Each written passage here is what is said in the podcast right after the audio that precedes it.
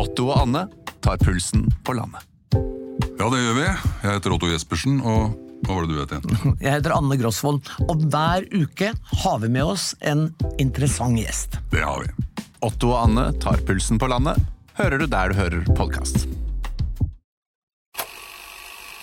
Ready? You have the cameras rolling?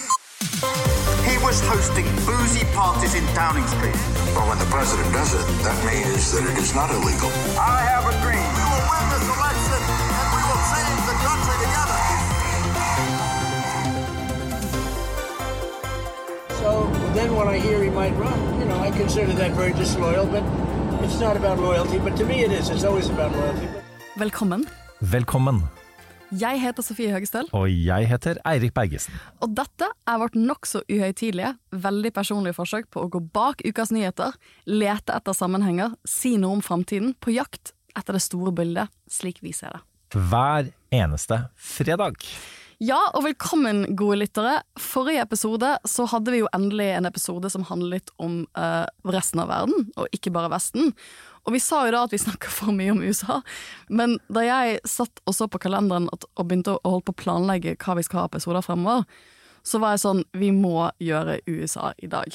Fordi det kom noen andre USA-nerdere og sa nei, nei, nei, nei, de snakker ikke for mye om USA. Det kom også, for det sa vi også, snakker vi litt for mye om Europa. Det Det har utgangspunktet med krigen å gjøre. Der var det også noen europafolk, noen EU-folk, dere vet hvem dere er, som sa nei, nei, nei, nei, det snakker ikke for mye om det heller. Så la oss bare si sånn, vi skal snakke om alt. Fortsette å snakke om alt, men vi skal også snakke mer om resten av verden. Ikke bare i går, eh, ikke bare forrige uke, men også fremover. Ja, kan, Vi kan jo tease allerede nå at neste uke så kommer det en episode som skal være helt dedikert til hva som skjer i Israel akkurat nå. Hvor vi har fått med oss en av Norges fremste eksperter på Israel-Palestina-konflikten.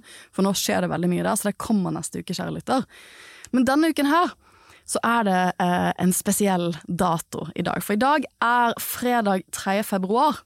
Og hvis vi spoler tilbake til 3. februar 2020 så var det den første primeren av presidentvalget i 2020.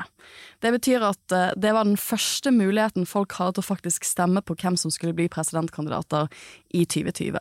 Og det betyr at vi må anta at når vi spoler frem et år, om 365 dager, da kommer primary season 2024 til å virkelig være i gang. Eh, Og da må jo vi ta en statussjekk. Hva er det som skal skje det neste året? Hvem kommer til å bli kandidater? Og jeg ble jo så gira på dette her, for nå skjønte jeg at det er etter til primaries! Dette er kjempespennende. At jeg ringte Eirik og var sånn Jeg skal gi deg litt hjemmelekser før podkasten på fredag. Jeg har gitt deg le- hjemmelekser, jeg har gjort de selv, og det er at vi har skrevet ned hvem vi tror kommer til å bli kandidater under primary til neste år. Vi har det vi tror er ganske sikre kandidater, og så har vi noen dark horses. Hot takes, Eirik? Jeg har en eh, som du ikke vet hvem er.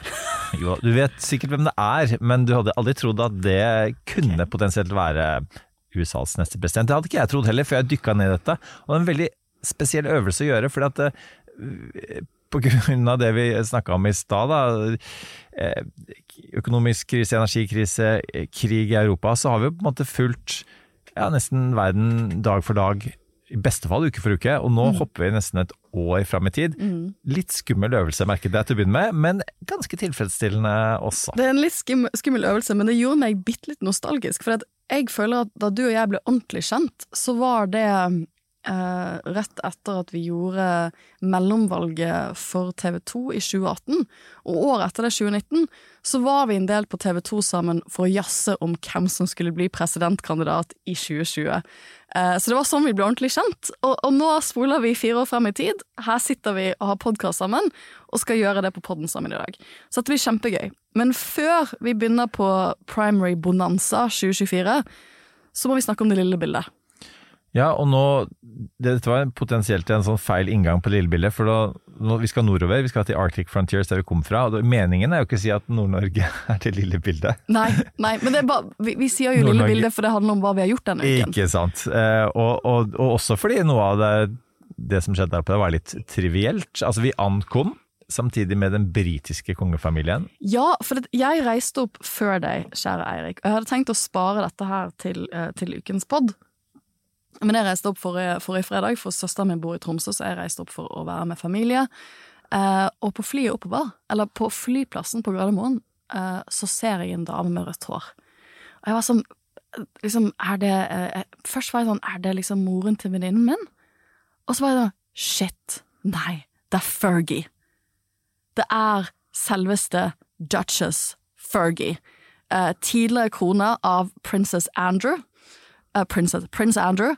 Eh, han som da er eh, har blitt fanget opp av sexskandaler. Randy Andy. ja, Randy Andy. Um, hun hadde det mest magiske røde håret jeg har sett i det virkelige liv. Eh, og jeg ble skikkelig star... Jeg, ble, det, det, jeg har ikke blitt så starstruck på mange mange år. Uh, for jeg vet ikke hvor stor Fergie er i Norge, men i Storbritannia er hun en stor, stor kjendis, rett og slett.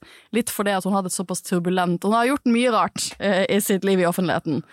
Og så tok jeg flyet oppover med henne, og da for, for, så plutselig er hun på samme fly som meg. Og da var jeg sånn shit, hun skal til Tromsø! Ble det nikket sånn Ja, altså, jeg jeg? Jeg vurderte å neie, for jeg gikk ut av flyet, eh, og så sto jeg Faren min var på samme fly, men vi satt ikke ved siden av hverandre, for vi har på forskjellige bookinger. Eh, Så jeg sto og ventet på han når vi hadde landet i Tromsø, og der kommer han ut. Og da måtte Jeg for jeg tror han hadde sett det jeg stirret på henne i Oslo. Og Det var ikke så mange andre som stirret, men jeg, jeg stirret, og så liksom står jeg der creepily og bare venter på henne idet han kommer ut av flyet i Tromsø, og da nikket jeg. Da jeg landa i eh, Tromsø, så det første som dukket opp, var sånn akkurat nå klassisk på, eh, på, på, på Dagbladet. stil, eh, med at eh, så kjøpte potetgull. Og så tenkte jeg hvem i verden var det som kjøpte potetgull på en måte som gjorde at det fortjente å havne på topp på Dagbladets eh, nettside. Eh, Og det var også da døtrene til eh, Fergie og Randy Andy.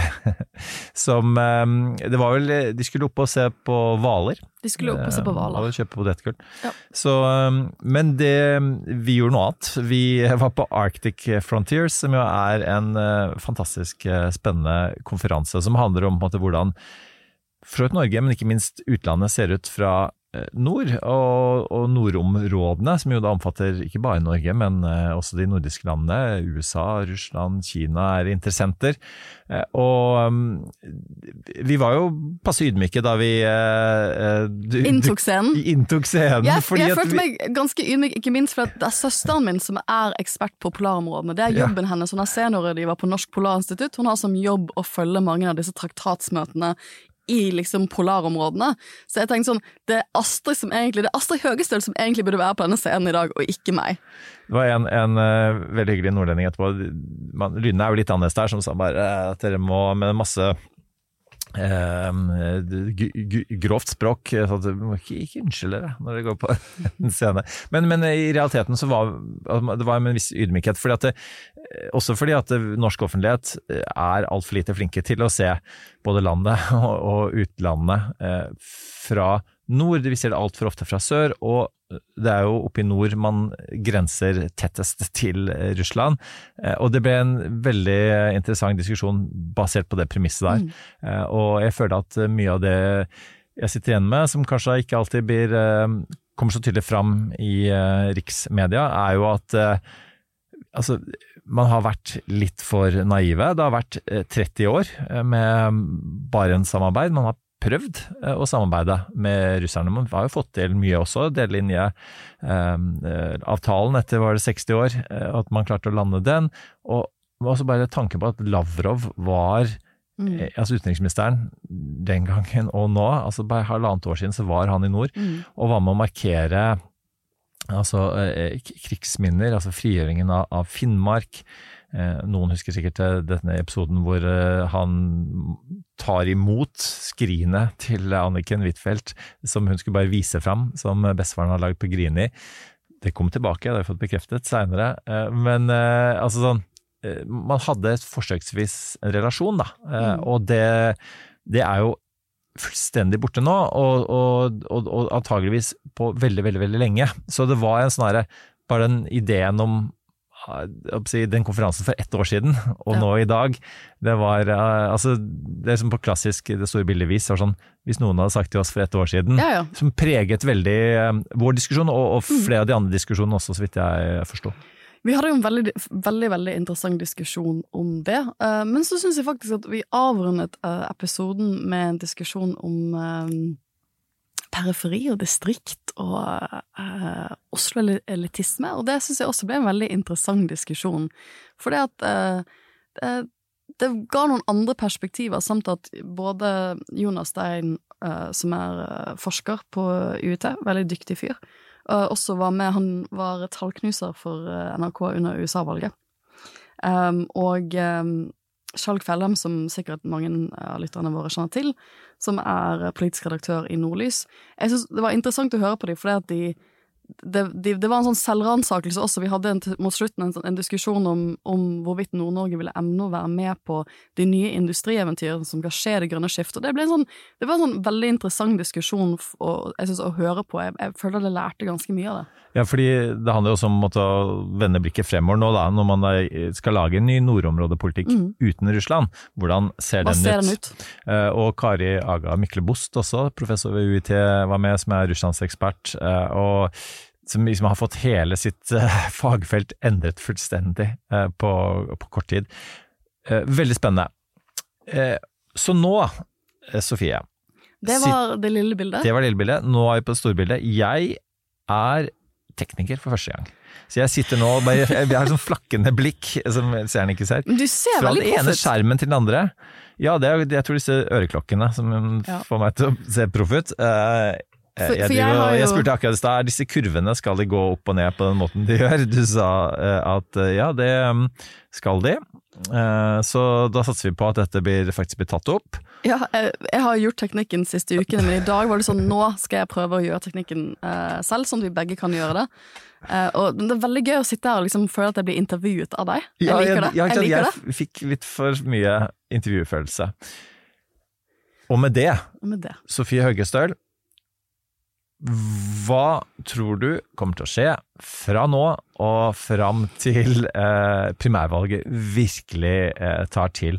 Hvem er de heteste kandidatene, hvem er de vi ikke prater om, eh, som vi kommer til å bli veldig godt kjent med etter hvert, eh, og hva i all verden skjer med Trump, han vi trodde var borte en gang for alle, og hva med Biden? Han kan da umulig stille til valg igjen og være 86 år når han avslutter sin andre eh, valgperiode. Quiet, quiet, quiet. You are a rude, terrible person. Dette er, det dette er det store spørsmålet. Det er 365 dager til kanskje Iowa. Vi skal straks snakke om det, men det- er ikke sikkert at Iowa blir det første stoppet eh, i primary-runden, primærvalget, til neste år. Det er jo mye diskusjon om. Det er Særlig Biden har lyst til å flytte det til eh, South Carolina. Det har nok veldig mye med at han vant var, Grunnen til at han er president i dag, er fordi at han vant primærvalget i South Carolina. Altså Hele lysløypa er faktisk med å flytte seg via, via alle, alle, hva for de som hører på podden vår, våre kjære eh, USA-eksperter der ute. Iowa, New Hampshire, dette er jo en kjent eh, lysløype, eh, og ikke minst for amerikanske velgere. Og nå, nå kan det snu seg. Det kan Nå- bli South Carolina, så, og det handler jo om at eh, der er det en majoritet av svarte. De Det ga er en mer mangfoldig stat Ja. enn det New Hampshire er. Eh, Men det ville jo vært en stor endring. Men la, la oss spole tilbake. Hva er en primary? Hvorfor har de primaries i USA? Eh, og Det vet nok de fleste lyttere, men jeg tror liksom skal vi begynne å se fremover på hva som skjer neste år, så er det litt viktig å forstå den prosessen. For i USA så stiller du jo til direktevalg for å bli president. Du har ikke et parlamentarisk system som vi har i Norge, hvor du blir president, eller blir statsminister ved å vinne et stortingsvalg, og så danner du en eller annen form for koalisjonsregjering, og så ringer kongen deg, og så blir du statsminister. I USA så vinner du et direktevalg som du stiller til personlig. Eh, og da, man, da er det jo ikke sånn som det er i Norge, at kampen er om å komme seg høyt opp på lister rundt omkring for å bli valgt. Eh, du stiller til et personvalg selv. Eh, og det gjør du ved at du eh, stiller på vegne av et parti. Så det er en sånn interessant blanding av partivalg og personvalg. Eh, og for å komme frem til hvem de store partiene skal ha som kandidat, så er det første du skal gjøre for å bli president i USA, det er å vinne primærvalget til ditt eget parti. Og i realiteten så er jo det de to partiene det er interessant å følge, så er det demokratene og republikanerne. Det er jo ofte andre presidentkandidater. Du kan jo stille som uavhengig kandidat. Det er absolutt måter Det kan virkelig skje denne gangen. og det kan absolutt skje denne gangen. Uh, hvis uh, Trump Det er jo det han uh, tidvis åpent også, ikke bak lukkede, bare bak lukkede dører, truer med. At hvis ikke jeg får, eh, blir presidentkandidaten der, så stiller jeg bare som uavhengig. Og Trump har jo penger nok til å faktisk sette, sette noe bak den, eh, den trusselen der. Eh, Det gjorde jo for eksempel Kanye West, stilte jo som uavhengig i 2020. Så det er absolutt mulig. Men hvis du har lyst til å vinne, hvis du har lyst til å faktisk bli president, så må du bli kandidaten til enten republikanerne eller demokratene, i alle fall slik som ting er i USA nå. Eh, og for å avgjøre altså, Og det er, jo sånn, det er jo en stor demokratifestival, for du har jo disse 50 delstatene som da skal være med på å plukke ut Hvor grasrota til partiene skal være med på å plukke ut hvem som skal bli presidentkandidaten til deres parti. Og da avholder de, før i, i gamle, gamle dager, så var det partieliten som fant frem til hvem som skulle være presidentkandidaten. Men nå, Sånn som de gjør i Norge. sånn som de gjør i Fortsatt, Norge, i fortsatt, sant? det er nominasjon, det er en mye mer partiintern prosess? Hvis du skal bli listetopp i Oslo Venstre for eksempel, så må du, da er det en nominasjonskomité som bestemmer det. Eh, og så er det årsmøtet til Oslo Venstre som stemmer over det, så det er en veldig lukket partiprosess. Sånn er det ikke i USA. Da er det grasrota som teller. Eh, og delstatene har jo forskjellige regler for hvem som kan stemme i primærvalg. I noen delstater så må du være partimedlem. Du må være registrert partimedlem hos Demokratene. I andre eh, delstater, må du ikke nødvendigvis være registrert som en medlem av partiet. Og altså, en, eh, et veldig enkelt faktum er jo at eh, hvis det hadde vært sånn i USA, da hadde jo aldri vært en president Donald Trump. Nei. Og, og hvis man hadde Altså, hvis, hvis det hadde vært et norsk system i USA, så hadde Trump aldri blitt president. Ikke sant, eller, eller hvis man hadde stått overfor en sånn prosess nå, så ville garantert vært Ron DeSantis, som Ja, var ville- republikanernes primærvalgkandidat. Hvis det hadde vært opp til partieliten i det republikanske partiet, så hadde ikke Donald Trump vært en kandidat i 2024. Det tror jeg vi kan, det tror jeg vi kan si, slå fast med ganske stor sikkerhet. Men det er jo det interessante, og av og til så, får jeg, eh, så, blir, så har jeg fått liksom innspill fra litt sånn Trump-sympatisører i Norge som sier at det er et demokratisk problem i Norge at partiene kontrollerer såpass mye av prosessen om hvem som sitter på Stortinget, eh, og hvem som, eh, som blir, kommer i regjering, da, i realiteten.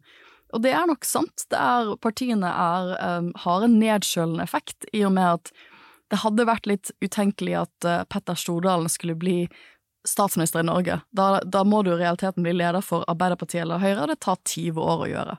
Det, er ikke helt tilfeldig for øvrig at du nevner Petter Stordalen, fordi Nettavisen det er jo det nærmeste man har hatt en sånn type undersøkelse, så vidt jeg har sett. da. Eh, Det var Nettavisen for en- riktignok for noen år siden nå, som hadde en, en, en spørreundersøkelse som gikk på hvem hadde ønsket som statsminister hvis det ikke var en etablert politiker, og da var det Petter Stordalen som vant.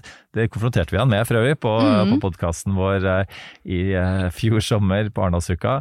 Den kan man eh, høre på fortsatt på eh, podkast.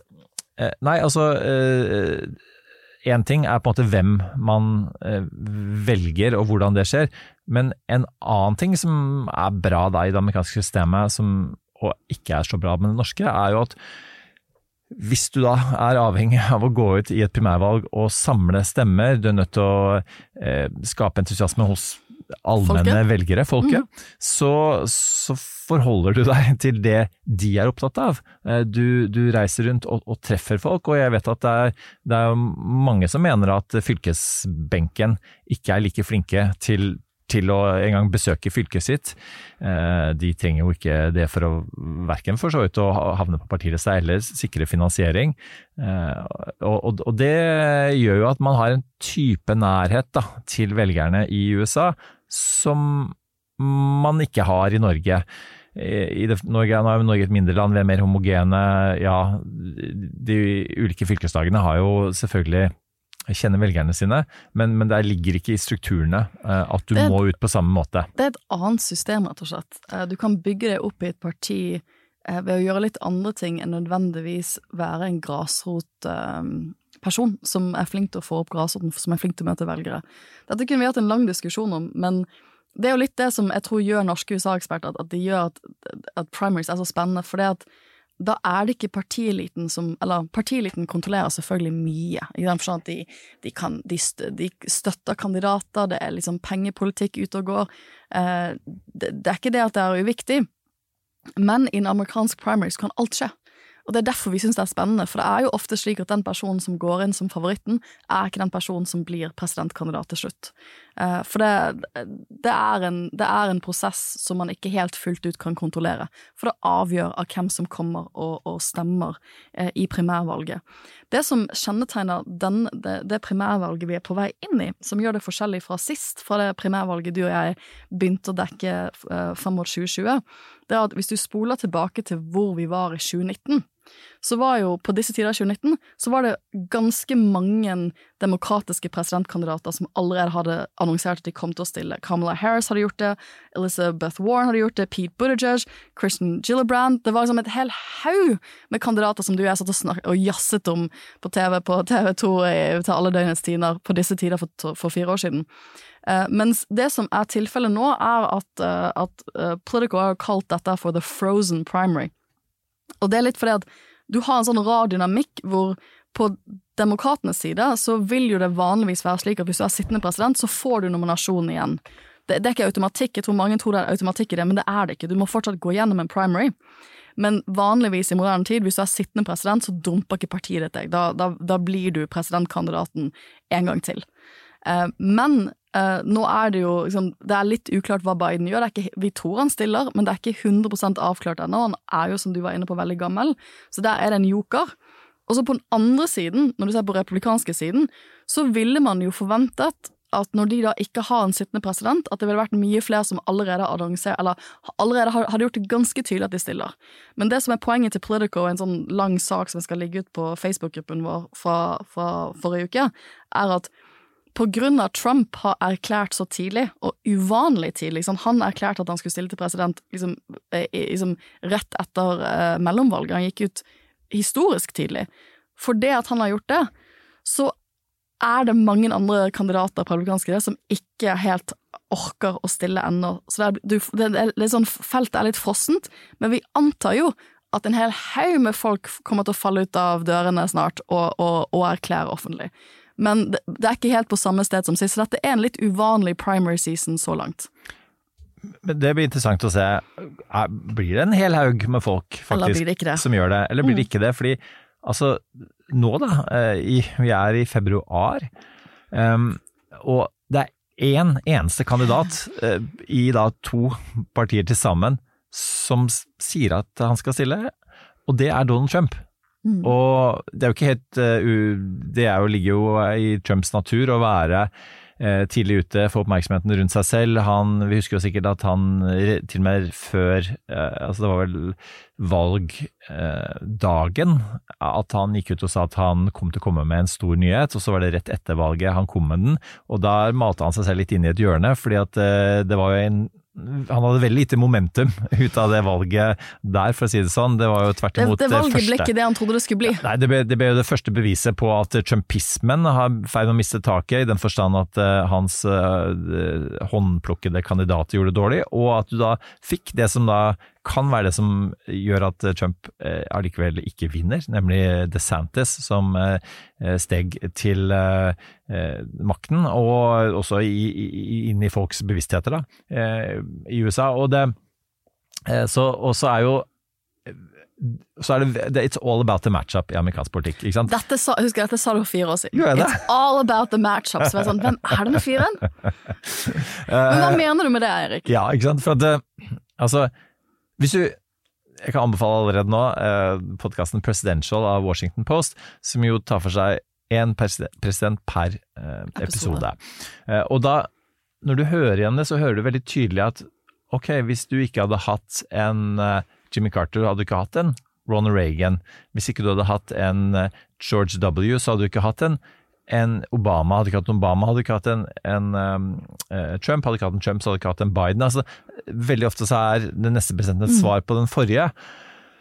På, godt og vondt, uh, for så vidt. Uh, og, og det, så, så, det kommer til å være viktig hvem, hvem som da etterfølger Biden. Det kan være viktig hvem som er da kandidaten på den andre siden. Og, og det hadde ikke vært en, på samme måte hadde det heller ikke vært en Trump hvis ikke det hadde vært for, for at Hillary var kandidaten mot. Det hadde nok kanskje ikke vært en Biden hvis det hadde vært for at Trump var motkandidaten. Eh, med det, da, så, så betyr det at hvis eh, demokratene. Antageligvis er det i slutten av februar, det sier alle signalene. Alle signalene sier at Biden, Biden innen slutten av februar skal annonsere at han gjenstiller til gjenvalg. Han sa før jul um, et, for, Før jul så hadde han jo en veldig god periode, for da uh, hadde han gjort et historisk godt mellomvalg for en sittende president. Uh, Republikanerne var i Det var de som var disorganisert, og Trump skulle stille, og det var bare masse kaos. Uh, og de virket, det virket jo som replikanerne hadde en sånn selvransakelsesprosess. Uh, Trump hadde fått hjemmet sitt ransaket av FBI for hemmelige stemplede dokumenter som han- hadde i sitt hjem. Og da var Biden litt ute og sa at jeg skal snakke med familien min. Det var liksom, Jeg så han holde en, en tale, han, eller et pressemøte hvor han fikk skryte litt av hvor godt mellomvalget hadde gått for han. Og hvor han da fikk si sånn Nei, jeg skal snakke litt med familien over jul, så skal vi endelig avklare dette. Eh, problem, det som er interessant med Biden nå, er at det som har skjedd i mellomtiden, er at han har gått fra å ha en veldig fin periode, til at han nå selv er under FBI-etterforskning. Det er en spesialetterforsker som gransker han, og uh, folk uh, Det handler om disse hemmelige dokumentene ja, som er funnet. eh, eh, og FBI har hans. vært inne og ransaket hans Mm. hjem. Eh, eller han vil si det er ikke ransaking, for det har vært veldig Han har vært sånn 'kom og se', dette visste jeg ikke var tilfellet, kom og se, men det, det, er ikke, det er litt mer skinkig nå, at han også er under samme type etterforskning som Trump. Um, så det, jeg er litt spent på å se hvordan de håndterer akkurat det. Med, jeg tror nok de hadde kanskje håpet på at spesialetterforskeren ville kunne avklart ganske fort i løpet av januar-februar at det ikke er gjort noe straffbart, og henlegge saken, men det er ikke den veien det går akkurat nå. Nei, for, men foreløpig har jo ikke det endret eh, altså, målingene på noe særlig Nei, vis. Og, nei. og når det gjelder Trump er det jo faktisk utrolig nok, for hans sak er mye mer graverende, Mm. vært litt positivt. Mens det som var litt negativt for Trump, det var eh, 6. januar-etterforskningen. Mm. Også, også blant hans egne, og da mener jeg bare, bare litt, ikke veldig. Eh, Men så er det selvfølgelig det også at Biden går og venter på DeSantis, fordi man kunne forestille seg at ja, DeSantis heiv seg ut i dette her ganske kjapt eh, med det momentumet som han hadde eh, fra mellomvalget, men det har han ikke gjort. Og det er noen åpenbare årsaker til, som vi skal komme tilbake til, men det at han ikke har gjort det, er med å fryse løpet. Fordi for Biden så vil det være mye mer attraktivt å stille mot en Trump enn å stille mot en DeSantis. Så er spørsmålet er det om DeSantis da kommer til å annonsere sitt kandidatur eh, før februar. Han vet jo også akkurat dette her, eh, så han vil også med vilje vente til eh, fordi det er mye bedre for han å stille mot en Biden eller en, en, en ung guvernør, på samme måte som han, da, som har gjorde et godt mellomvalg, og som kan kanskje til og med si at de gjorde et bedre mellomvalg, gitt at DeSantis stilte mot en kandidat som var uhyre svak, så var det en del demokrater som stilte mot ganske gode republikanere, og gjorde det vel så bra eh, som DeSantis. Det kan bli det store guvernørracet. Det Det hadde vært det- mye mer morsomt for eh, oss og verden. Altså, hadde det vært mye mer Og morsomt. USA. Det som er litt interessant nå, er at vi skal komme tilbake til at det er en dame som nå antageligvis kommer til å kunngjøre 15. februar. Det skal vi straks komme tilbake til når vi skal se litt mer på de andre kandidatene. Men hvis vi holder oss på Trump, og hvordan måten han nå har en liten klam hånd over denne primeren, så er det eh, det Politico og en del andre eh, amerikanske politiske journalister sier, er at de andre mulige kandidatene på republikansk side, de har snakket litt sammen. Og det de vet, er at Trump gjør det bedre når han har en opponent. Når han har en motstander han kan hakke på. Og hvis du vet hvis du, altså Alle de så hva som skjedde i 2016. Det som skjedde i 2016, var at det var masse kandidater, og Trump tok de av én etter én etter én, ga de kallenavn, hakket på de. Uh, han ble god ved å snakke ned de andre kandidatene. Hvis du vet at det er tilfellet, så har du ikke nødvendigvis lyst til å være den første kandidaten som annonserer, og gi han en måned eller to for bare på konse på deg, og bare hakke på deg i sånn to måneder for de andre lanserer. Så det Politico skisserer, er at en del av disse potensielle kandidatene har snakket sammen, og vurderer kanskje å lansere samtidig for å gi han mindre handlingsrom til å velge ut en av de for, som, en, som en måte å booste Trump på. Det synes jeg, og også, liksom, det er det ene. Trump er flinkere enn han har en motstandskandidat han kan hakke på. Det andre er at Trump sliter nå. Han, he's trying to make this presidential campaign happen. Han prøver å vise at dette er en ordentlig kampanje. Han skal liksom reise litt med de neste ukene, men så langt så har kampanjen hans vært en stor flopp. Eh, og jeg tror at en del av motstanderne hans tenker at hvis vi gir han litt mer tid til å floppe og feile, så er han enda svakere når vi da lanserer vår kandidatur. Så det syns, jeg er en veldig interessant dynamikk. Ja, fordi Foreløpig så har jo ikke DeSantis hatt det behov for å stille. Altså Han er sterkere når han ikke er on the ticket. Beklager det blir en del eh, Ja, engelsk her i dag, men sånn er det. Eh, og han, eh, han klarer foreløpig, eh, og altså Trump er jo også, hvis du snur på det, da, så er jo Trump eh, sin egen verste fiende når han snubler i sine egne bein. Nettopp. Og det vet eh, DeSantis veldig godt.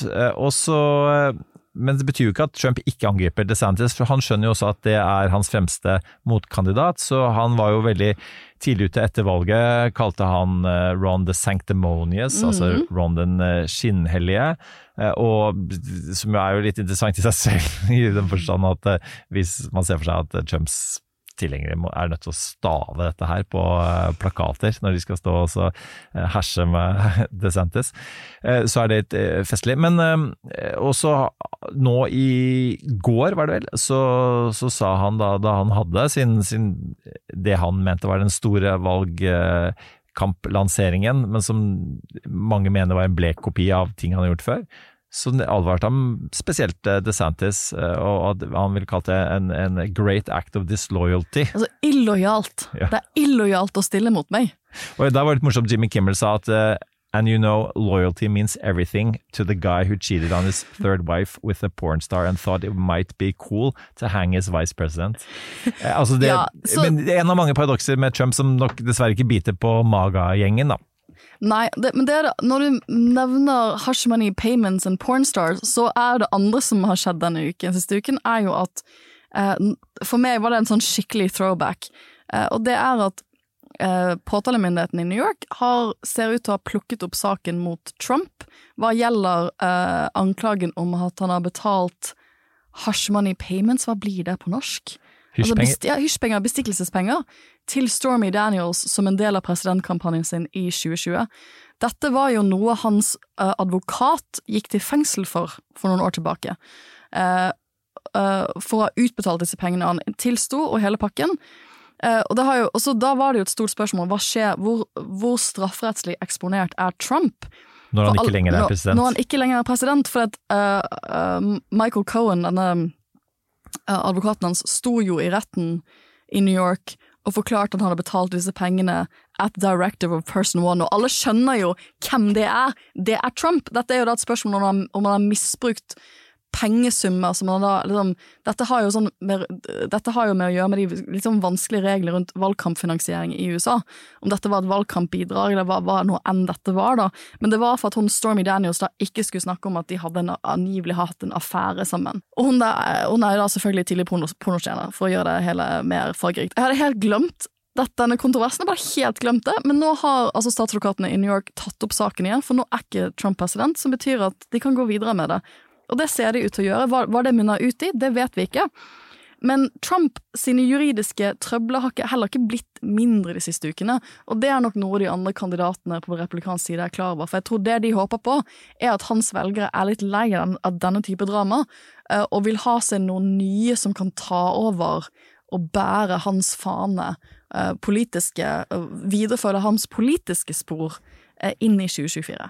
Ja, og hans politiske spor er jo litt vanskelig å få helt rede på nå i dag, fordi at det, det er dessverre stadig mer en konspiratorisk eh, plattform, som jo har som sitt eh, origo eh, at han ble frarøvet valget I 2020. i 2020. Og det, hvis du ser litt på meningsmålingene her, så er det et flertall av amerikanere, altså 55% cirka, som mener at, at det ikke er riktig. Eh, De mener til og med at eh, det at han hevder det er kriminelt i seg selv.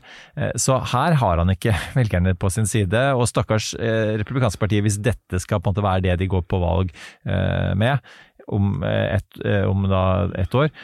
Men så er det dette med at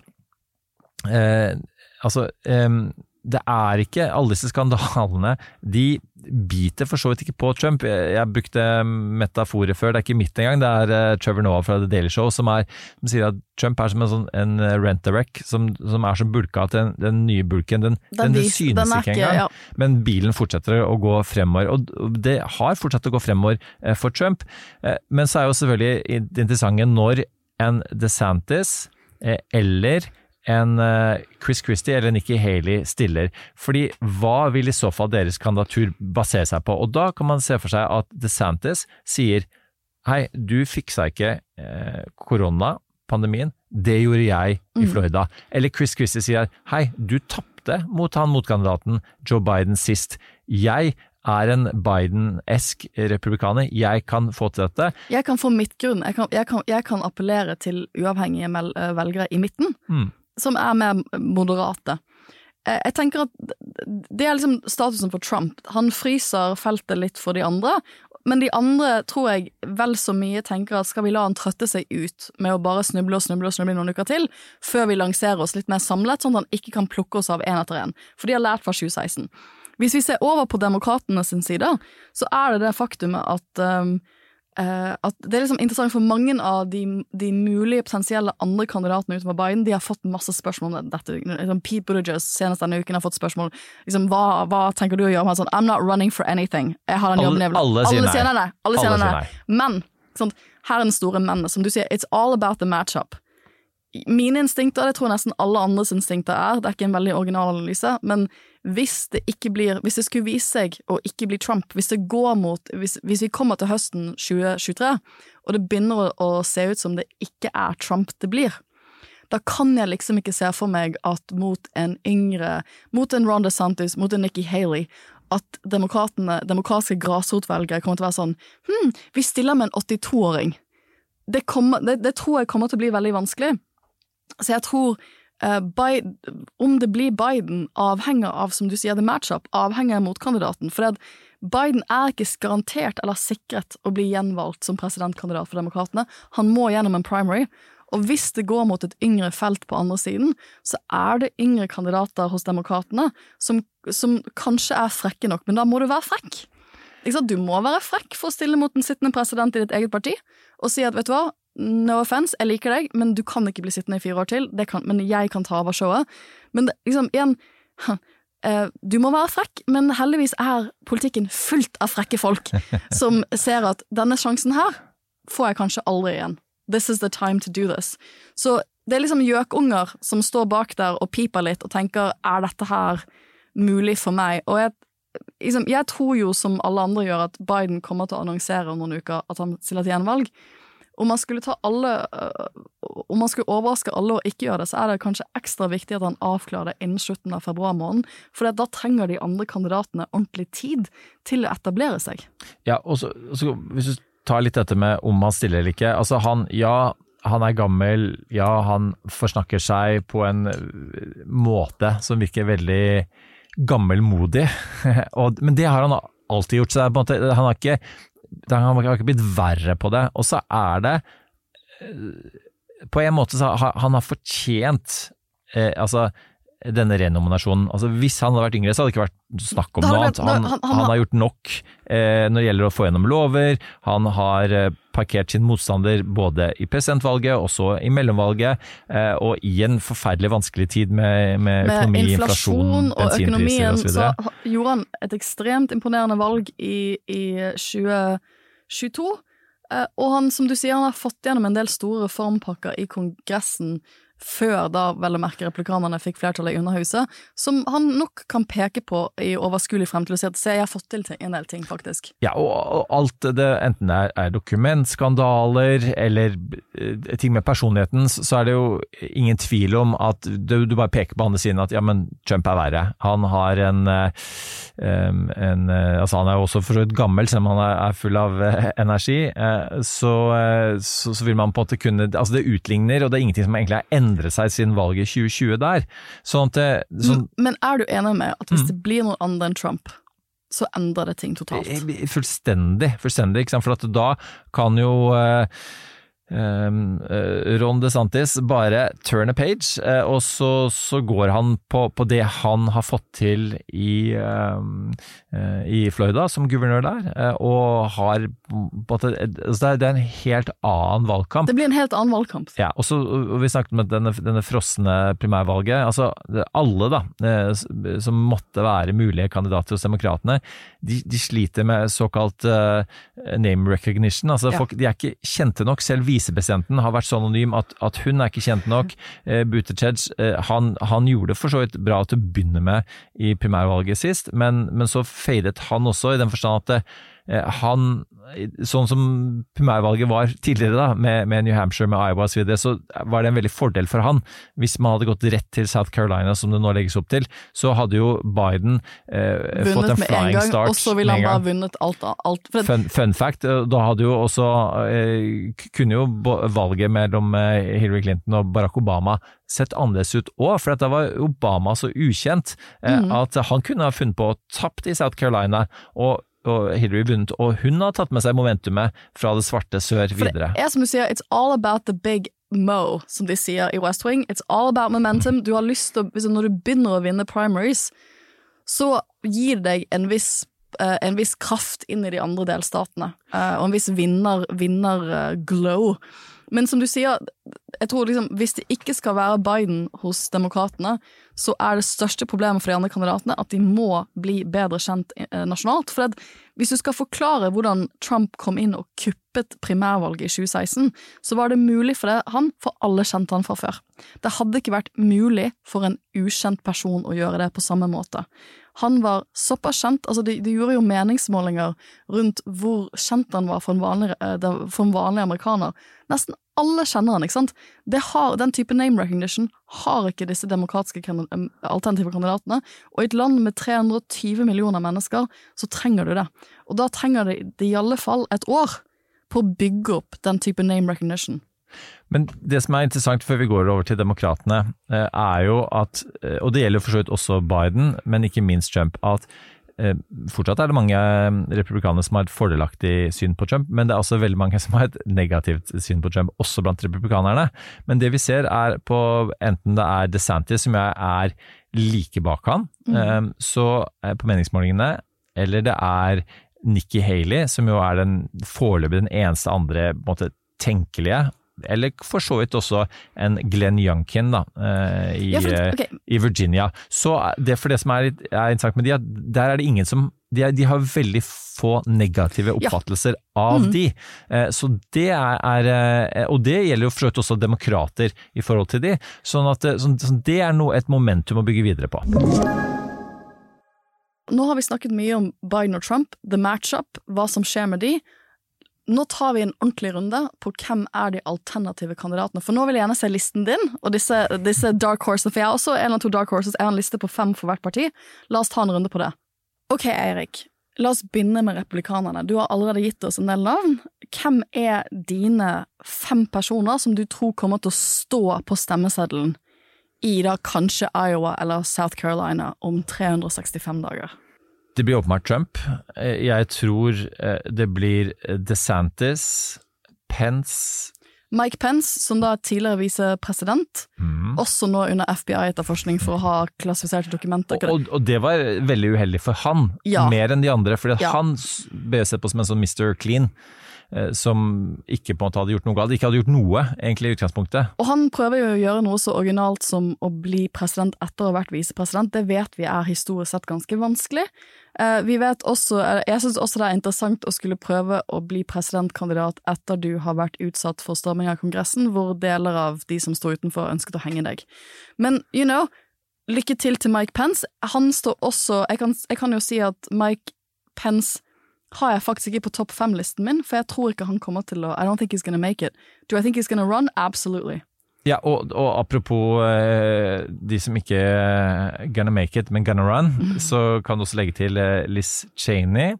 Eh, og så er jeg litt sånn spent på om Mike Pompeo, Glenn Youngkin eh, kan komme eh, fra sidelinjen.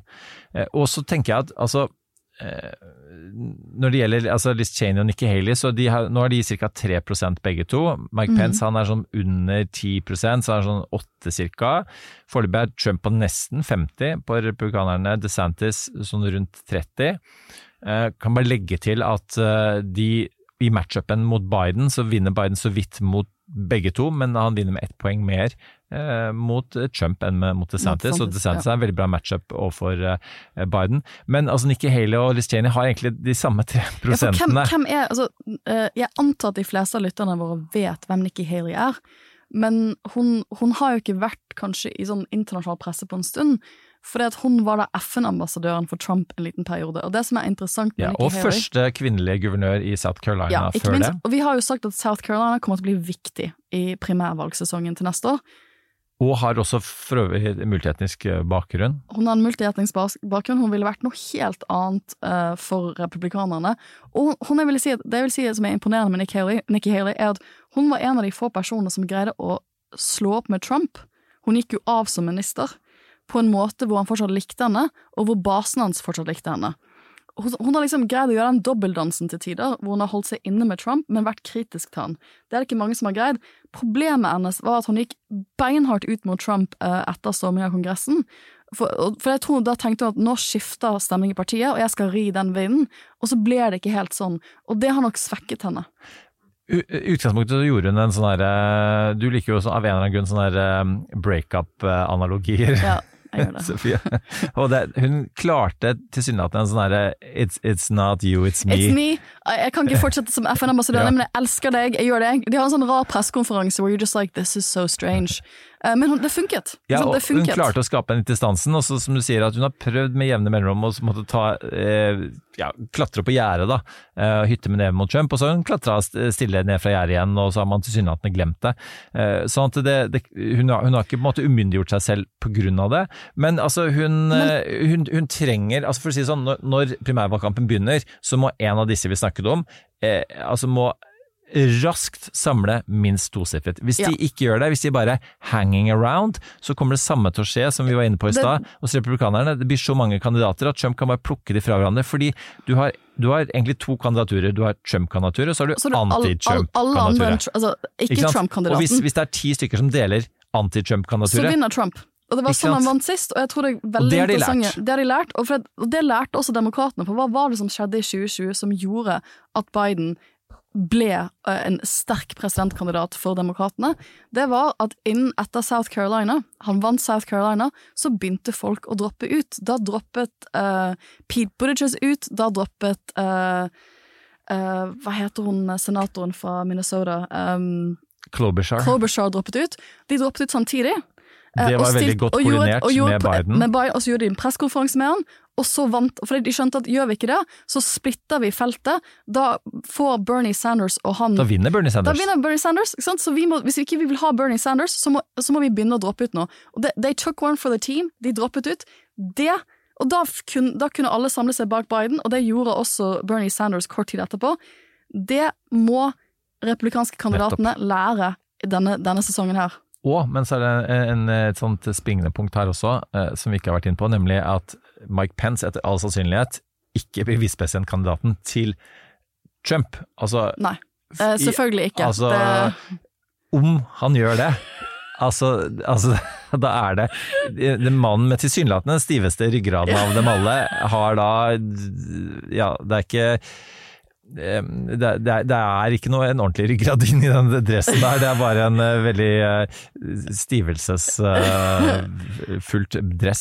Nei, men, Men- altså, poenget er at det, det kan veldig fort bli en eh, Nikki Haley, eh, og, og hun vil nok også Hun vil da være rask med å trekke seg ut og prøve å lage en avtale med Trump som gjør at hun blir visepresidentkandidaten til Trump. Jeg syns det er interessant at hun velger For hun er da Hun har valgt å gå unfrozen. Hun har, det har blitt det har blitt bekreftet mer eller mindre denne uken at 15. februar så lanserer hun sitt kandidatur for å bli presidentkandidat til 2024. Så den første ut som tør.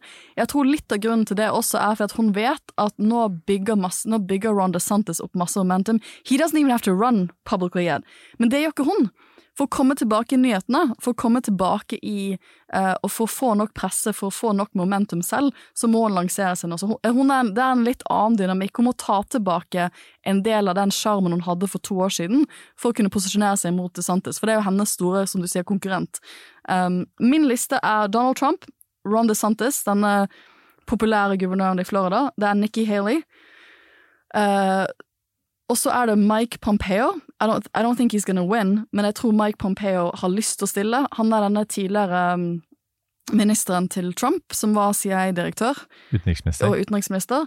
Han, han er en interessant karakter. Eh, Han, er ikke, jeg kan se for meg at han kunne appellert til en viss type republikaner. Um, så I wouldn't altså, Jeg tror nok han kommer til å stille. Min dark horse, mitt femte valg, og min dark horse er Tim Scott, som er den nyvalgte senatoren fra South Carolina. Han er afroamerikansk, eh, sjarmerende type. Han nok Han kan nok med legitimitet si at han kan bringe litt andre type velgermasser til bords. Han er fra Uh, han er liksom fra the South, altså South Carolina kommer til å bli en viktig delstat, som jeg snakket om. Det interessante er at the, the race is probably not big enough for Tim Scott and Nikki Haley. Så de, det er veldig spent på hva de to gjør, eller om, eller om for eksempel Scott, Tim Scott tenker at vet du hva, jeg kan vente i seks år, jeg. Jeg kan vente i åtte år. Jeg er ikke så gammel at det gjør noe. Han er en interessant dark horse i dette i, i, han, er, han er en interessant nykommer, mulig nykommer til neste år. Jeg tror ikke nødvendigvis han kommer til å stikke av med seieren, men igjen, det som er spennende med primaries, er alt kan skje. Det var veldig få som trodde at Obama skulle kunne slå um, Hillary Clinton i uh, 2008. Skal vi gå over på demokratene? Oh yes. Ja, det er um, spennende å se om Biden stiller. Og det som nå skjer, er jo at eh, Bidens folk, de legger til grunn at han stiller. Det er ingen rykter om noe som helst annet. Ron Klain, som jo var stabssjef for eh, Biden, eh, som gikk av nå, han holdt en tale eh, og sa at jeg, på samme måte som i 88, 2008 og i 2020, kommer til å stå ved din side når du stiller til valg som president, også i 2024. Og det er det nærmeste man har kommet til en sånn type sånn bekreftelse på det.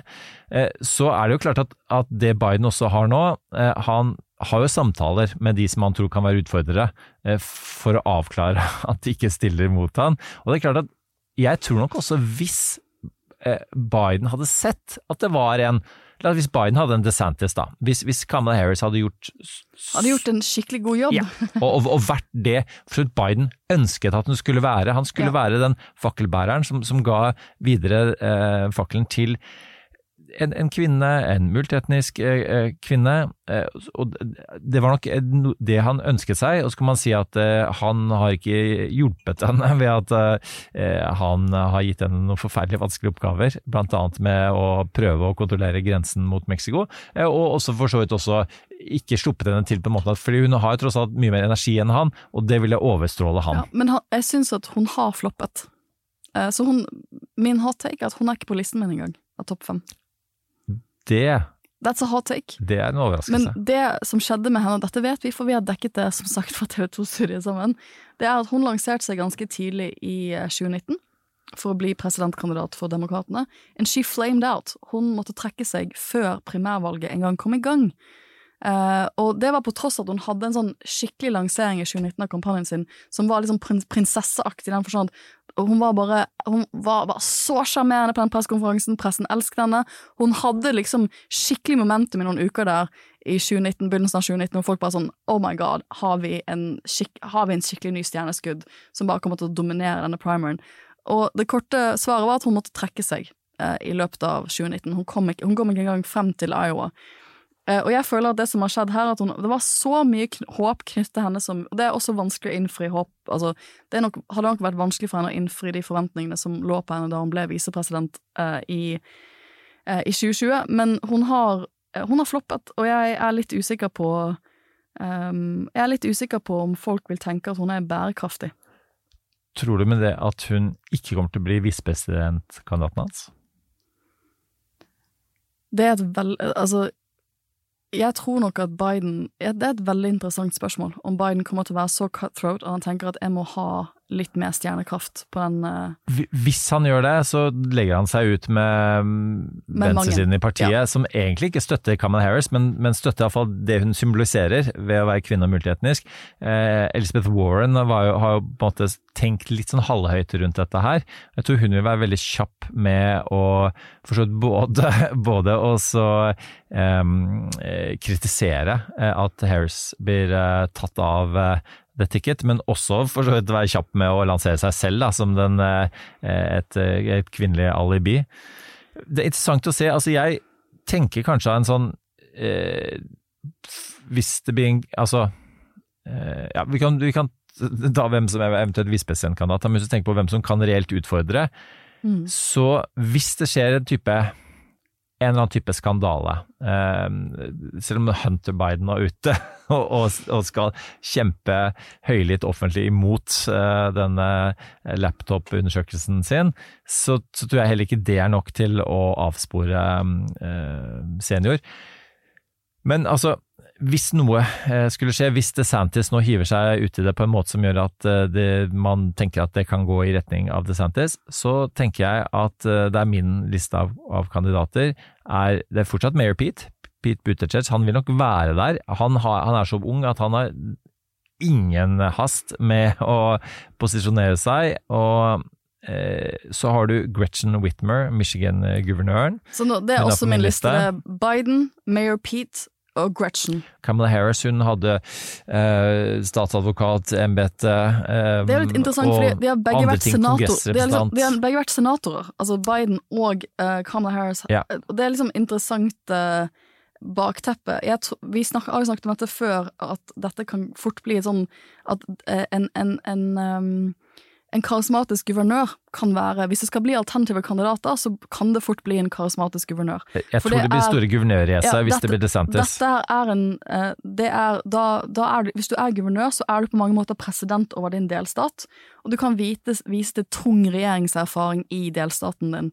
Og hvis vi tenker på hvor ekstremt upopulær Kongressen er hos alle amerikanere er, altså, Kongressen har sånn oppslutning i folk sånn, på sånn 19% Folk er så misfornøyde med Kongressen. Så gjør det at det å lansere eh, et kandidatur og si at du er en handlekraftig politiker basert på å være senator eller eh, være kongressmedlem, det er vanskelig. Biden liksom ble jo kandidat fordi han har vært visepresident, ikke fordi at altså, han har, denne langvarige senatorerfaringen. så, så, men Gretcher Whitmer det som, Hun var jo en av de tre personene som virkelig var under vurdering til å bli visepresidentkandidaten til eh, Biden i 2020. Hun har nok styrket seg siden den tid, fordi hun har blitt gjenvalgt. Ganske, hun ble gjenvalgt i delstaten sin nå i høst på en ganske overbevisende måte. Mm. Eh, det er Veldig viktig. overbevisende. Veldig overbevisende måte, på samme måte som Ron DeSantis. Hun er, liksom, hun er litt match-upen til Ron DeSantis. Eh, likt av mange, eh, og, og, og fått en del nasjonal rett og slett, Hun har evnet å få en del nasjonal oppmerksomhet. Og det må du også gjøre hvis du skal bli en bærekraftig presidentkandidat som guvernør. Så hun er også min på, altså topp tredjekandidat på listen. Uh, neste person på listen er også en guvernør, uh, og det er Josh Shapiro.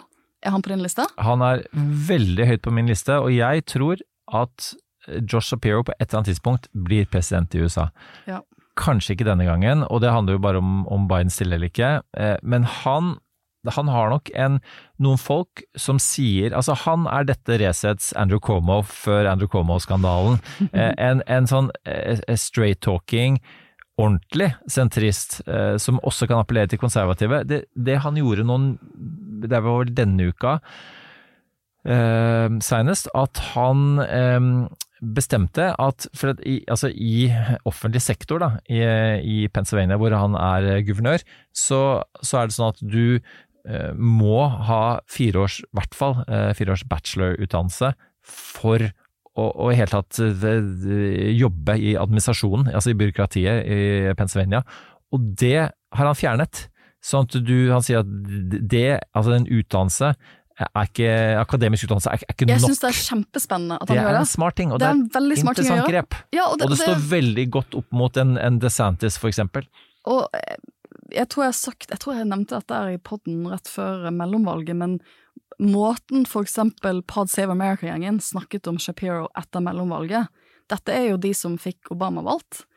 De snakker om han som Obama. Han kan snakke til folk. Han eh, reiste rundt i Pennsylvania. Han hadde en helt sinnssyk motkandidat. Eh, tok ikke, greide å ikke bite på mye av det. Kept himself above the prey. Snakket som folk forsto. Um, uh, er en sindig mann uh, med tyngde, rett og slett, som er likende. Det er veldig mye der. Og han vinner en Vi har jo sett hvor avgjørende Pennsylvania er i presidentvalg. Det å være guvernør for en sånn type avgjørende stat hvis, hvis, hvis demokratene skal vinne et presidentvalg, så må de vinne, de må vinne Pennsylvania. Særlig nå som Florida har blitt en mer og mer rød stat av DeSantis. Så jeg, jeg, jeg er helt enig med at han er en person som jeg vil ha skrevet på listen av mulige altså fremtidige presidenter i USA. Og det han, som du sier, det han gjør nå med å appellere til eh, å åpne opp egentlig masse jobber til folk uten tradisjonell utdanning, det er kjempespennende i en tid hvor vi snakker om, om, vi snakker om overutdannelse, tilgang til like muligheter i USA, hvor, hvor høyere utdanning har blitt så dyrt som det har blitt de siste 20 årene. Altså, Shapiro har stilt det spørsmålet som demokrater for lengst burde stilt seg selv. Hva er det ved Donald Trump folk liker? Mm. Også eh, arbeiderklassen som tradisjonelt stemte på demokratene. Eh, Og, og, og han har hatt fokusgruppe på det, og det, det er en av de tingene der at man på en måte at demokratene har blitt veldig elitistiske, blitt veldig akademiske, og for så vidt på samme måte som i Norge. Det er de fleste velgerne har ikke høyere utdannelse, ja. og, og, og det, vi så hva den gjengen, og når du i tillegg er hvit og mann, eh, kan gjøre i et valg. Det er en demografi som fortsatt er den mest attraktive, og, og som Shapiro og DeSantis og for så vidt eh, er veldig, Ja, de står veldig nære, og, og de to mot hverandre har vært veldig spennende eh, Det har vært en helt matchup. annen presidentkamp. Jeg vil bare også nevne at uh, Josh Shapiro har jusutdannelsen for Georgetown University, så det er jo um, det, Altså, jeg må støtte han. You know, Hoya Saxa, go. Um, han er absolutt veldig høyt oppe på alles lister, men jeg har en annen Jeg har min min min dark horse, ikke, men sånn mitt stjerneskudd som kan komme inn fra Min dark horse er darker than yours. I don't hva er know din? about that. Um, jeg har den nyvalgte guvernøren i Maryland, Westmore. Han er ikke min dark horse engang, han er høyt oppe på min liste. Han er høyt oppe på din, ja. Ja. Jeg, Westmore er det bare å google og se på den måten den mannen formidler, og bare kommer gjennom TV-skjermen din. Han er ekstremt sjarmerende. Han har en um, Jeg så han intervjuet på CNN rett etter mellomvalget, hvor de intervjuet han fordi at han var Han, han ble historisk ved å være den første svarte guvernøren i Maryland. Uh, og måten han snakket om det på en inkluderende måte. Måten han evnet å være sånn eh, Det sier noe om, om hvem vi er som nasjon. Han, han, han hadde en Obama-aktig måte om å snakke om en del disse, disse, disse temaene på en ekstremt inkluderende måte, hvor han tar folk med seg. Du hadde lyst til å være en del av den fortellingen der, og du bare så at, uh, at disse, disse, disse store uh, CNN-skikkelsene, de ble sjarmert i senk, og det ble jeg også. Han, jeg har sett han før, men han, altså, han er så uh, veltalende, han, er så, uh, han har så ekstremt mye karisma, og han blir historisk. Og han, han er nok også på alles liste av eh, up and coming folk som, som kommer til å sette sitt preg. Han, han er neste generasjon i Det demokratiske partiet. Han er litt sånn som Buttigieg, han er jo ung, bare tidlig i 40-årene. Han eh, har også en eh, lang politisk karriere foran seg, sånn at eh, han har ikke noe bråhast med å stille. Men hvis du tar noen små game changers, da, som eksempel at hvis det blir sånn eh, at eh, South Carolina eh, er det første staten eh, i primærvalget for demokratene, så eh, kan han komme der. Han kan holde en Obama-tale, som For det, Obama for det, gjorde. ev- det evner, alt, alt tyder Ja. på at han evner å gjøre det. Ikke sant, på, på den demokratiske kongressen i sin tid, og bare, eh, bare lansere eh, eh, Altså, han, han er jo Han eh, er nesten som en sånn Hvis eh, noen hadde spilt Obama i en film, Så hadde det han vært sett sånn ut. um, og det handler ikke bare om utseendet, men det handler om måte den, den litt polerte måten å snakke på. Kanskje litt for polerte, han er, for han er fortsatt fersk. Eh, og han, all, alle disse tingene her var jo noe som, som Obama slet med i, i valget den gangen, og som han vil slite med. Så har han allikevel en sånn sentristisk måte, um, uh, tilnærming til politikken, som gjør at eh, han ja, på en måte han, altså, The Obama playbook worked før, eh, og som, som eh, For å fortsette på engelsken, altså History doesn't repeat itself, but it rhymes. Ja. Ikke sant? Sånn at det, em, og, og, og det ser vi igjen i en amerikansk politikk. sånn at det, er ikke utenkelig at noen eh, ønsker seg eh, Wes Så igjen, det handler om måten han blir lansert på. Så har jeg en dark horse. Jeg må bare si at han, han, når han ble governor of Maryland for noen uker siden og ble innsatt, hvem var det som kom og åpnet det hele? Det var ingen ringere enn Oprah. En Oprah, Opera picked out Obama. Like, liksom, når, når Oprah kommer og lanserer your inauguration, you know big things are happening. Og det, liksom, det del av pressen sa nesten alle som var på den inauguration var sånn, dette blir ikke hans første innsettelse. Her er det bare oppover etter det. Så han har liksom, han har liksom denne stjerneinntoget, og det som gjør han så lik Obama, er ikke, er ikke for meg primært det at han har afroamerikansk bakgrunn. Det er uh, det er talerstilen hans og hans evne til å snakke veldig inkluderende på en måte som jeg tror kan treffe, treffe velgere et, republikansk side også. Veldig godt poeng, eh, for det er ikke bare det afroamerikanske. eh, Jeg er egentlig ikke det i det hele tatt. Fordi, og mitt, eh, det jeg fester meg ved, da, det er veldig godt innsomhet med, med Oprah, forresten. kan- Som jo noen kanskje hadde ønsket seg som president. Det kommer aldri til å skje, men det at hun backer deg She's a er noe det, kingmaker. Kingmaker. Det er noe av det viktigste. Men det er det at han, er så, han har en veldig sånn positivt syn Veldig på positivt. samfunnet og på politikk. Det er hope or change, og Mm. det er aktige ting. Han kan snakke om Baltimore på en måte som gjør deg håpfull. Og som er helt det- utrolig. Så, det ja. så, så, så, så hvis han klarer å lansere på den rette måten, hit the ground running, så, så kan han eh, virkelig komme. Og det, det blir, altså hvis du vil ha noe helt, helt annet enn Biden-Trump, så, så er, er han aktuell. Og da, da snakker vi en sånn eh, kanskje en sånn Westmore-Nikki Haley-type matchup, som også hadde vært veldig spennende, ikke minst politisk. Min dark horse Ok, nå er jeg veldig Du har sagt det er en person jeg nesten ikke vet hvem er. jeg, ikke sant? Nå så hvis jeg, er jeg sier spent. Ok, skal jeg utfordre deg? Hvis jeg Mm. sier fornavnet, og så skal, du, skal jeg utfordre deg om du klarer å Jeg er veldig dårlig på navn, men ja. Jared. Nei, Nei, Jared. Ikke, ikke, ikke Kushner. nei ikke, jeg I was gonna say Jared Kushner. Hvem er det? Polis. Jared ja! Polis. Eh, eh, Colorado-guvernør. Ja!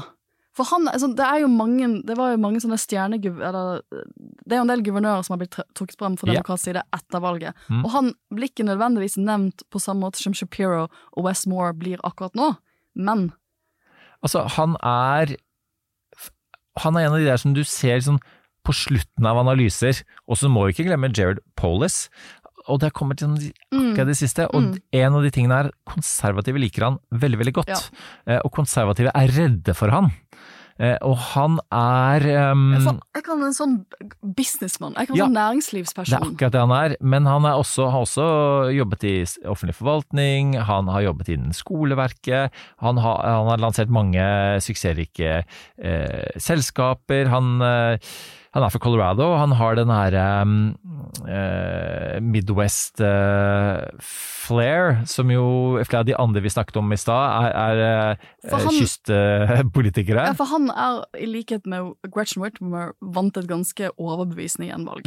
Veldig overbevisende. Eh, og når man, begynt, når man har sett litt nærmere på tallene eh, på disse månedene som har gått siden mellomvalget, så ser man at ja, vent litt, han Charlie Christ var jo ikke så eh, formidabel utfordrer for DeSantis. Kan det ha noe med saken å gjøre? Og så ser man at ja, Whitmer, Polis, de hadde virkelig matchups, de.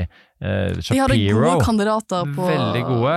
Eh, og så eh, har eh, til og med Polis snakket litt sånn, eller hvisket litt grann om mulighetene til å stille eh, til valg. Han er også sånn mer sånn, han er litt sånn Popeo-type.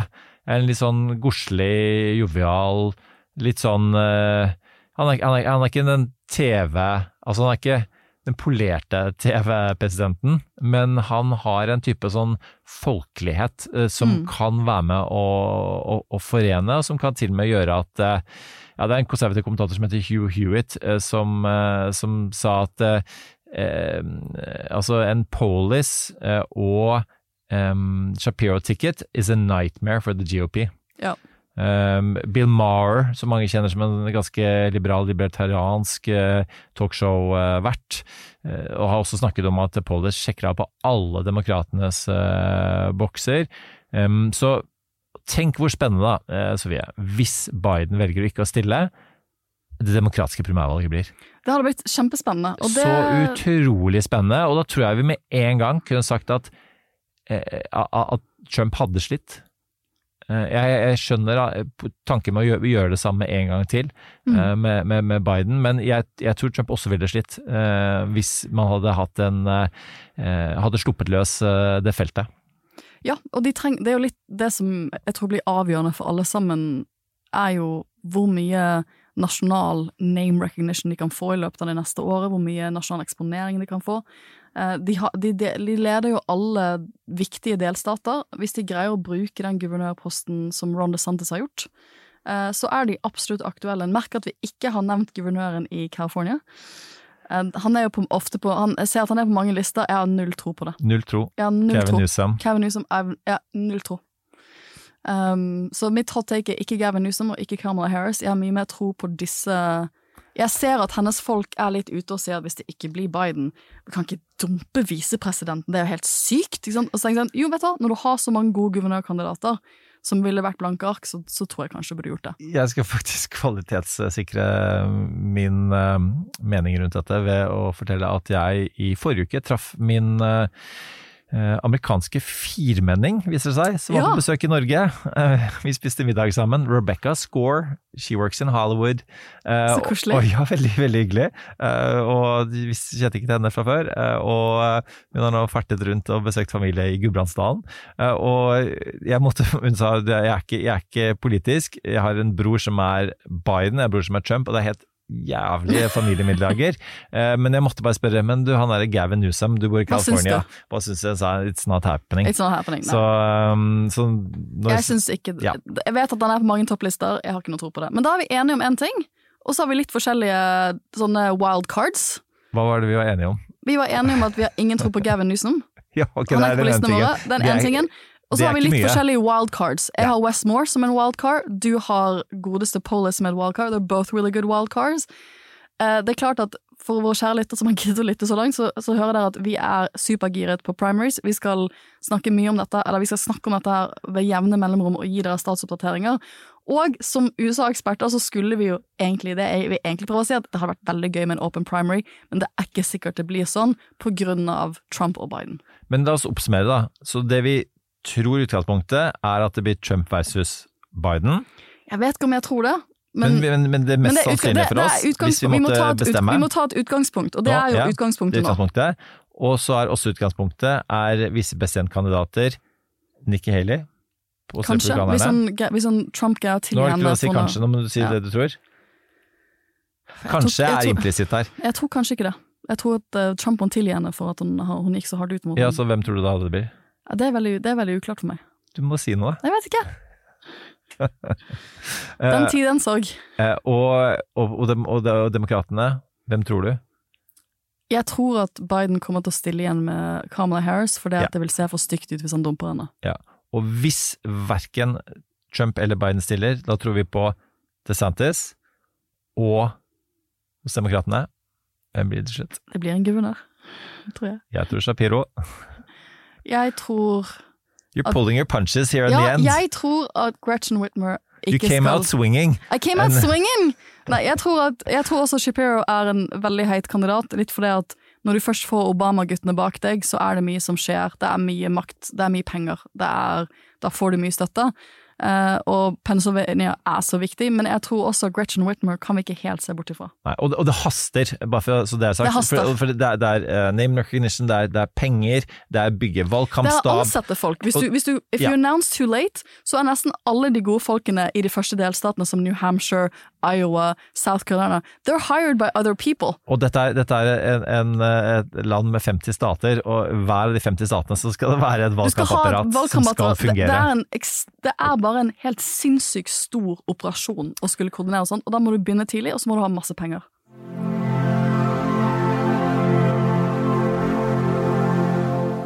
Ok, Sofie. eh, Da tenkte vi å dedikere denne ukas eh, av- og påkobling til først påkobling og amerikansk politisk påkobling, eh, nemlig podkaster, som vi følger og som vi har tatt opp igjen nå, i hvert fall for min egen del, for fullt, for å prøve å finne ut av hva i all verden er det som skjer. Hva er dine podkaster å følge?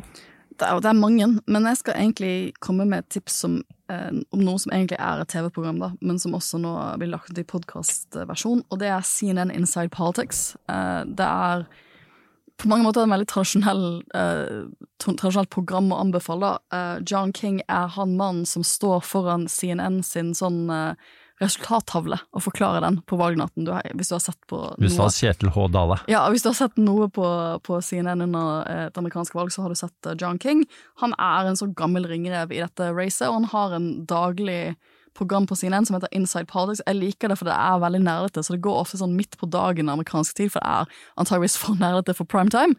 Men han har med seg uh, veldig flinke folk, including uh, Abby Phillips, som, var en av, som ble en sånn skikkelig stjerne for CNN under forrige eh, under 2020-valgkampen og for så vidt i 2022, for hun er en ganske sånn sindig stemme.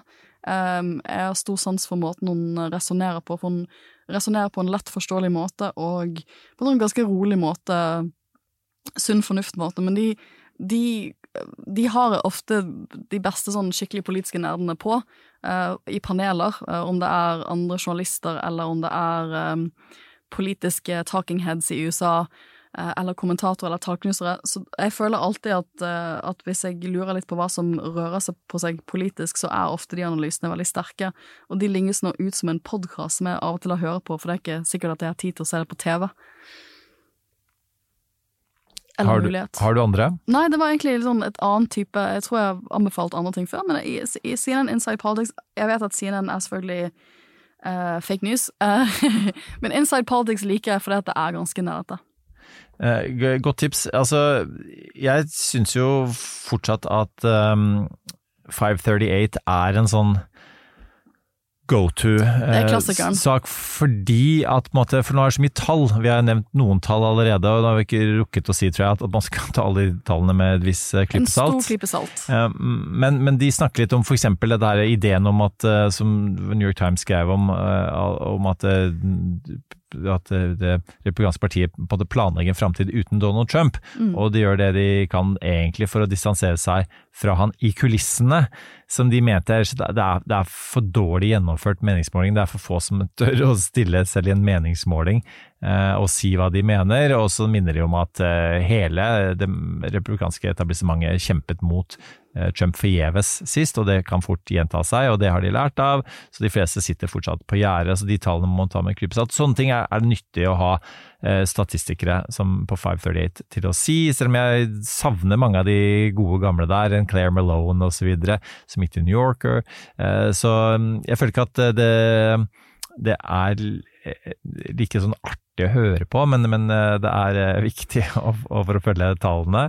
Og så artig å høre på, Helen Highwater, eh, John Hellman, er en uh, artig, eh, litt annen type podkast. Litt sånn på demokratisk side, og hvis du tar en sånn litt sånn på republikansk side, så er The Bulwark-podkasten til eh, Lincoln Project også veldig interessante takes. I hvert fall så lenge det er Trump som ender opp som presidentkandidaten. Så, så vil det være spennende. Jeg vil jo bare skyte inn at Politico syns jeg ofte har veldig gode langanalyser. Når de har eh, Jeg føler at de løfter det, Jeg leser jo veldig mye Washington Post og selvfølgelig New York Times og en del andre mer tradisjonelle medier, men jeg syns at Politico har eh, ofte gode langanalyser eh, som jeg setter pris på, da. Så Politico er fortsatt Det kan du lese, det er gratis, jeg kan lese åpent i Norge. Så det er fortsatt et go to-sted da, for litt eh, forskjellige typer analyser. Ja, og Politico er jo sånn, sånn Har en ganske fin balanse, egentlig, eh, sånn mellom eh, Veldig nerdete. partiene. Ja, Ja. og for så vidt også på, på innholdet. Um, eh, blanding av, av nerd og, og det mer interessante, underholdende. Men, men, altså, men ikke glem da at den Maga-gjengen de lever i beste velgående. Så og, hvis man skal Iallfall når det gjelder aviser, da. Um, eh, Washington, jeg har sånn fin Washington Post og Washington Times. Hvis du leser litt sånn begge deler, så får Så man får en ganske et- god idé, for Washington Times er da ganske høyrelent. Um, og og det, det er en ganske fin måte å bare høre hva som rører seg. For vi må ikke glemme at uh, konservative medier gikk veldig hardt ut mot Trump, Mot Trump. etter valget, Mm. og de er fortsatt ikke klatret tilbake på Trump-vogna. Sånn at uh, så det blir interessant å følge de uh, Mm. fremover. Det jeg liker med Politico, er at de har som sagt, er sånn veldig nærete ting som West Wing Playbook, som er ganske sånn nærete analyser. Hvem er det som jobber i Det hvite huset, og hvem er powerplayerne bak i partiene som går oppover? Sånn, jeg, liksom, jeg har liksom venner som har jobbet liksom, i den boblen, og hvis du først blir nevnt i liksom, West Wing Playbook, da, da er det en stor dag. Da har du gjort det, da har du peaket liksom, som politisk rådgiver. Så det er gøy, men så har disse andre lengre analysene som ikke er like nærete, men som gir et fint overblikk over hva som rører på seg. Mm.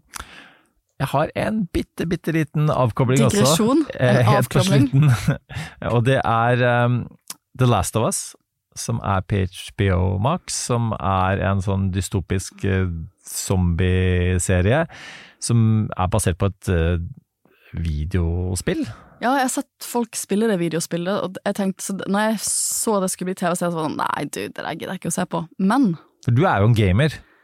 jeg, ikke, vil ikke si at jeg er en gamer, men jeg vil si at Men Litt sånn strategitype spill ja, spiller du. ja, jeg har måttet, for våre lyttere som virkelig lytter mye på podden, så har jeg måttet slutte å spille Civilization, for jeg ble for, jeg ble for giret. Jeg, jeg, jeg spilte det for ofte.